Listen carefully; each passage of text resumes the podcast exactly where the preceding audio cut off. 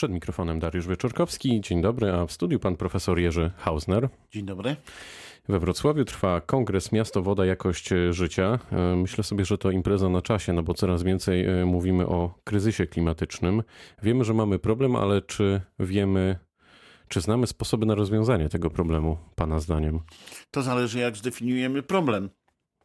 Oczywiście możemy powiedzieć, że ten problem ma skalę globalną i y, potrzebujemy rozwiązań w skali globalnej. No to od razu powiem, że nikt nie ma tutaj wystarczającej siły i wystarczających pomysłów. E, więc może lepiej skoncentrować się na tych działaniach, które są w zasięgu możliwości, a które dotyczą naszego życia w dużych miastach, ponieważ duże miasta y, cierpią najbardziej. Y, mówię w sensie ludności e, z powodu zmian klimatycznych czy zmiany klimatu.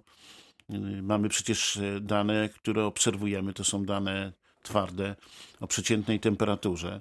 Ta przeciętna temperatura w dużych miastach w stosunku do okresu sprzed 100 lat to nie jest ten jeden e, stopień Celsjusza, to jest już mniej więcej 2 stopnie Celsjusza z wszystkimi y, konsekwencjami, które duże miasta e, przeżywają. Na przykład nad umieralnością ludzi starszych, e, jeśli są gorące noce. E, chciałem powiedzieć, że ostatnio się dowiedziałem, że zasoby wody na Ziemi pozostają niezmienne od milionów lat, ale to wcale nie jest tak, że ostatnio, tylko sobie uświadomiłem, że kiedyś o tym uczyłem się w szkole podstawowej wiele lat temu, e, a zmienia się jedynie stan skupienia tej wody, co oznacza, że e, woda, którą pijemy, jest tą samą wodą, którą piły dinozaury w dużym uproszczeniu. Dinozaury wymarły, a my? Co nas czeka? Nie, no ja nie wierzę w to, że ludzkość przegra z sobą. Mm, to znaczy, że wierzę, dlatego że jestem genetycznym optymistą, że znajdziemy w sobie dość hartu y, y, i rozumu. To jest taka romantyczna wizja, jaką pan kreśli. Proszę bardzo, jeśli pan chce tak to nazwać. Jak pan nazwie ją oświeceniową, też nie będę protestował. A w każdym razie to jest nie tyle wizja wiary w postęp, y, mechaniczny czy technologiczny, tylko wiary w nasze człowieczeństwo. No ale to człowieczeństwo trzeba rozbudzić, między innymi przez rozbudzanie takich y, odczuć, y, które będą o tym decydowały, jak solidarność, jak empatia, jak życzliwość, jak otwarcie na drugiego człowieka. Bez tego sobie z tym nie poradzimy. No dobrze, ale jak się wsłuchuje pan w wypowiedzi polityków, i to nawet nie myślę o naszych krajowych, ale generalnie y, mam na myśli przywódców międzynarodowych, to, to widzi pan tutaj tę troskę? Pewnie u niektórych tak, no. Są takie osoby, które na przykład pani Brundtland, niegdysiejszy premier Norwegii, która jedna, jedna z pierwszych osób, które tę sprawę podnosiły, czy Al Gore, y, niegdysiejszy wiceprezydent Stanów Zjednoczonych. Y, to są tacy politycy, którzy jakby byli y, sumieniem, no byli tym dzwonem, który bił na trwogę, ale oczywiście większość do tego podchodzi jak do codziennych spraw, tak? to znaczy przez kalkulację swoich szans wyborczych, a kalkulacja szans wyborczych będzie ich skłaniała do tego, by o problemie mówić, ale go omijać tak długo, jak presja społeczna, która rośnie.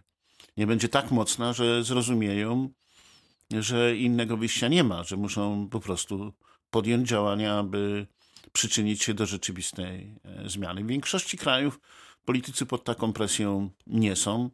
W Polsce politycy zauważyli młodych ludzi na ulicy, ale przypuszczają, że to będzie z nimi tak, jak z tymi, którzy wychodzili z powodu konstytucji. No ja myślę, że Wyszli traktują to jako piknik raczej, a nie tak. jako poważne zagadnienie. Polska ma małe zasoby wodne, jedne z najmniejszych w Europie, a okazuje się, że statystyczny Polak zużywa w ciągu doby o 50 litrów więcej niż mieszkaniec Europy. No to jak nas uwrażliwić? To uwrażliwienie musi zaczynać się od refleksji dotyczącej jakości życia a jakość, refleksja na temat jakości życia zaczyna się trochę od refleksji na temat sensu. Znaczy, my jesteśmy społeczeństwem, które no, potrzebowało zaspokoić swoje aspiracje materialne, bo one I były dławione. Potrzebuje. Ale były dławione. Tak? Widzę to tych moich kolegów, może i trochę siebie, jak szybko rzuciliśmy się na konsumpcję, jak zaczęliśmy myśleć o lepszych mieszkaniach, o samochodach, o drugim samochodzie, o kształceniu dzieci za granicą. Więc w tym, tej pogoni za zaspokojeniem tych przyduszonych aspiracji materialnych nagle okazało się, że wiele ważnych rzeczy pogubiliśmy, więc ta refleksja o potrzebach pozamaterialnych przychodzi. A z tą refleksją przyjdzie ta refleksja, która na przykład wśród mieszkańców mojego miasta, czyli Krakowa, jest już bardzo silna. No, że mieszkamy w mieście, które jest piękne, ale jednocześnie którym jesteśmy truci permanentnie. A jednocześnie na drugim ręku mm, widać wyraźnie, że opieka zdrowotna za tym nie nadąża. I to może mało ludzi. Pojawiają się pozwy. No tak, to jest taki symboliczny e, rodzaj presji, ale ważne i, i bym tego nie bagatelizował. No ale chciałbym tylko powiedzieć na to, że sumarycznie to, co się dzieje, gdy chodzi o nasze warunki życia, również te środowiskowe, i to, co się dzieje po stronie opieki zdrowotnej, jest, przynosi efekt zaskakujący. Mianowicie w Polsce w ostatnich latach mamy skracanie się średniej długości życia. To jest. To jest ten dzwon, rzecz, o którym pan powiedział. Tak, to jest ta rzecz, która musi wszystkim, wszystkim nam powiedzieć, to o nas chodzi, to o nasze życie, tak? O dosłownie o życie.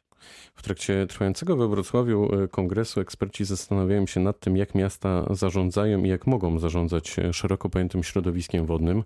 To jak zarządzać? Na przykład na przykładzie chociażby bliskiego panu Krakowa czy Wrocławia. No, Kraków ma oczywiście znacznie mniejszą sieć, sieć e, wodną niż Wrocław i mniej zagospodarowaną.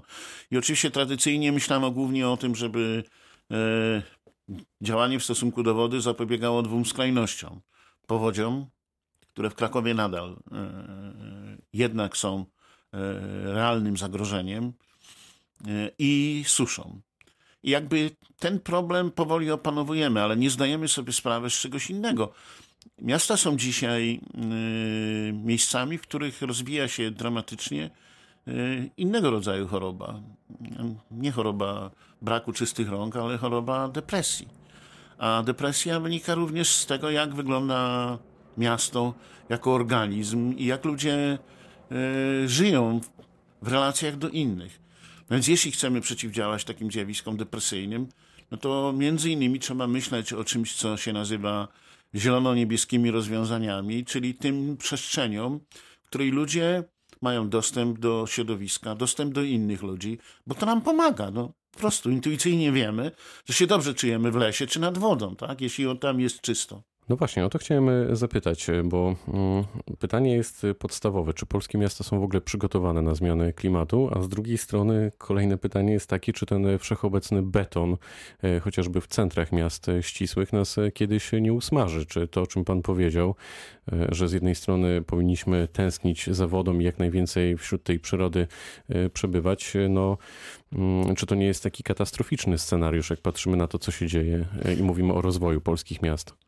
Pan, oczywiście, że my poszliśmy w ciągu tych 30 lat w kierunku zabetonowywania centrów miast, bo głównie koncentrowaliśmy się w centrach miast na działalności handlowej, na budownictwie, e, ale głównie apartamentowcach i na układzie komunikacyjnym. Tak? Więc mamy coraz więcej e, dużych galerii handlowych, coraz więcej apartamentowców, coraz więcej dróg, tylko coraz gorzej się żyje. Tak? I z centrów miast mieszkańcy tych miast z różnych powodów uciekają, więc trzeba temu, ten proces odwrócić w oczywisty sposób. Również dlatego, że tak jak te miasta są dzisiaj, były rozwijane, one stały się wyspami gorąca, wyspami ciepła, tak? To, to określenie Heat Islands jest powszechnie używane. Jak to zmienić? No więc na przykład w takim Nowym Jorku mówi się w takim razie znajdźmy przeciwwagę w postaci terenów właśnie zielono-niebieskich, tak?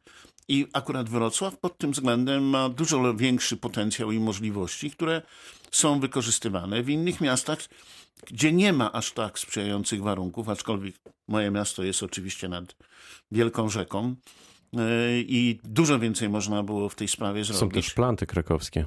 No tak, tylko że planty, wie pan, to jest takie już yy, niewielkie płucko. Już nawet nie jest to płuco, tak? Można powiedzieć o błoniach które oczywiście są jakąś przestrzenią, ale wie pan, takie myślenie o, o, o Krakowie to jest myślenie, które było kiedyś, a w międzyczasie powstało znacznie więcej właśnie tych centrów handlowych i powstają nadal. W związku z tym pytanie brzmi, jakiej potrzebujemy wizji urbanistycznej i zupełnie innej wizji.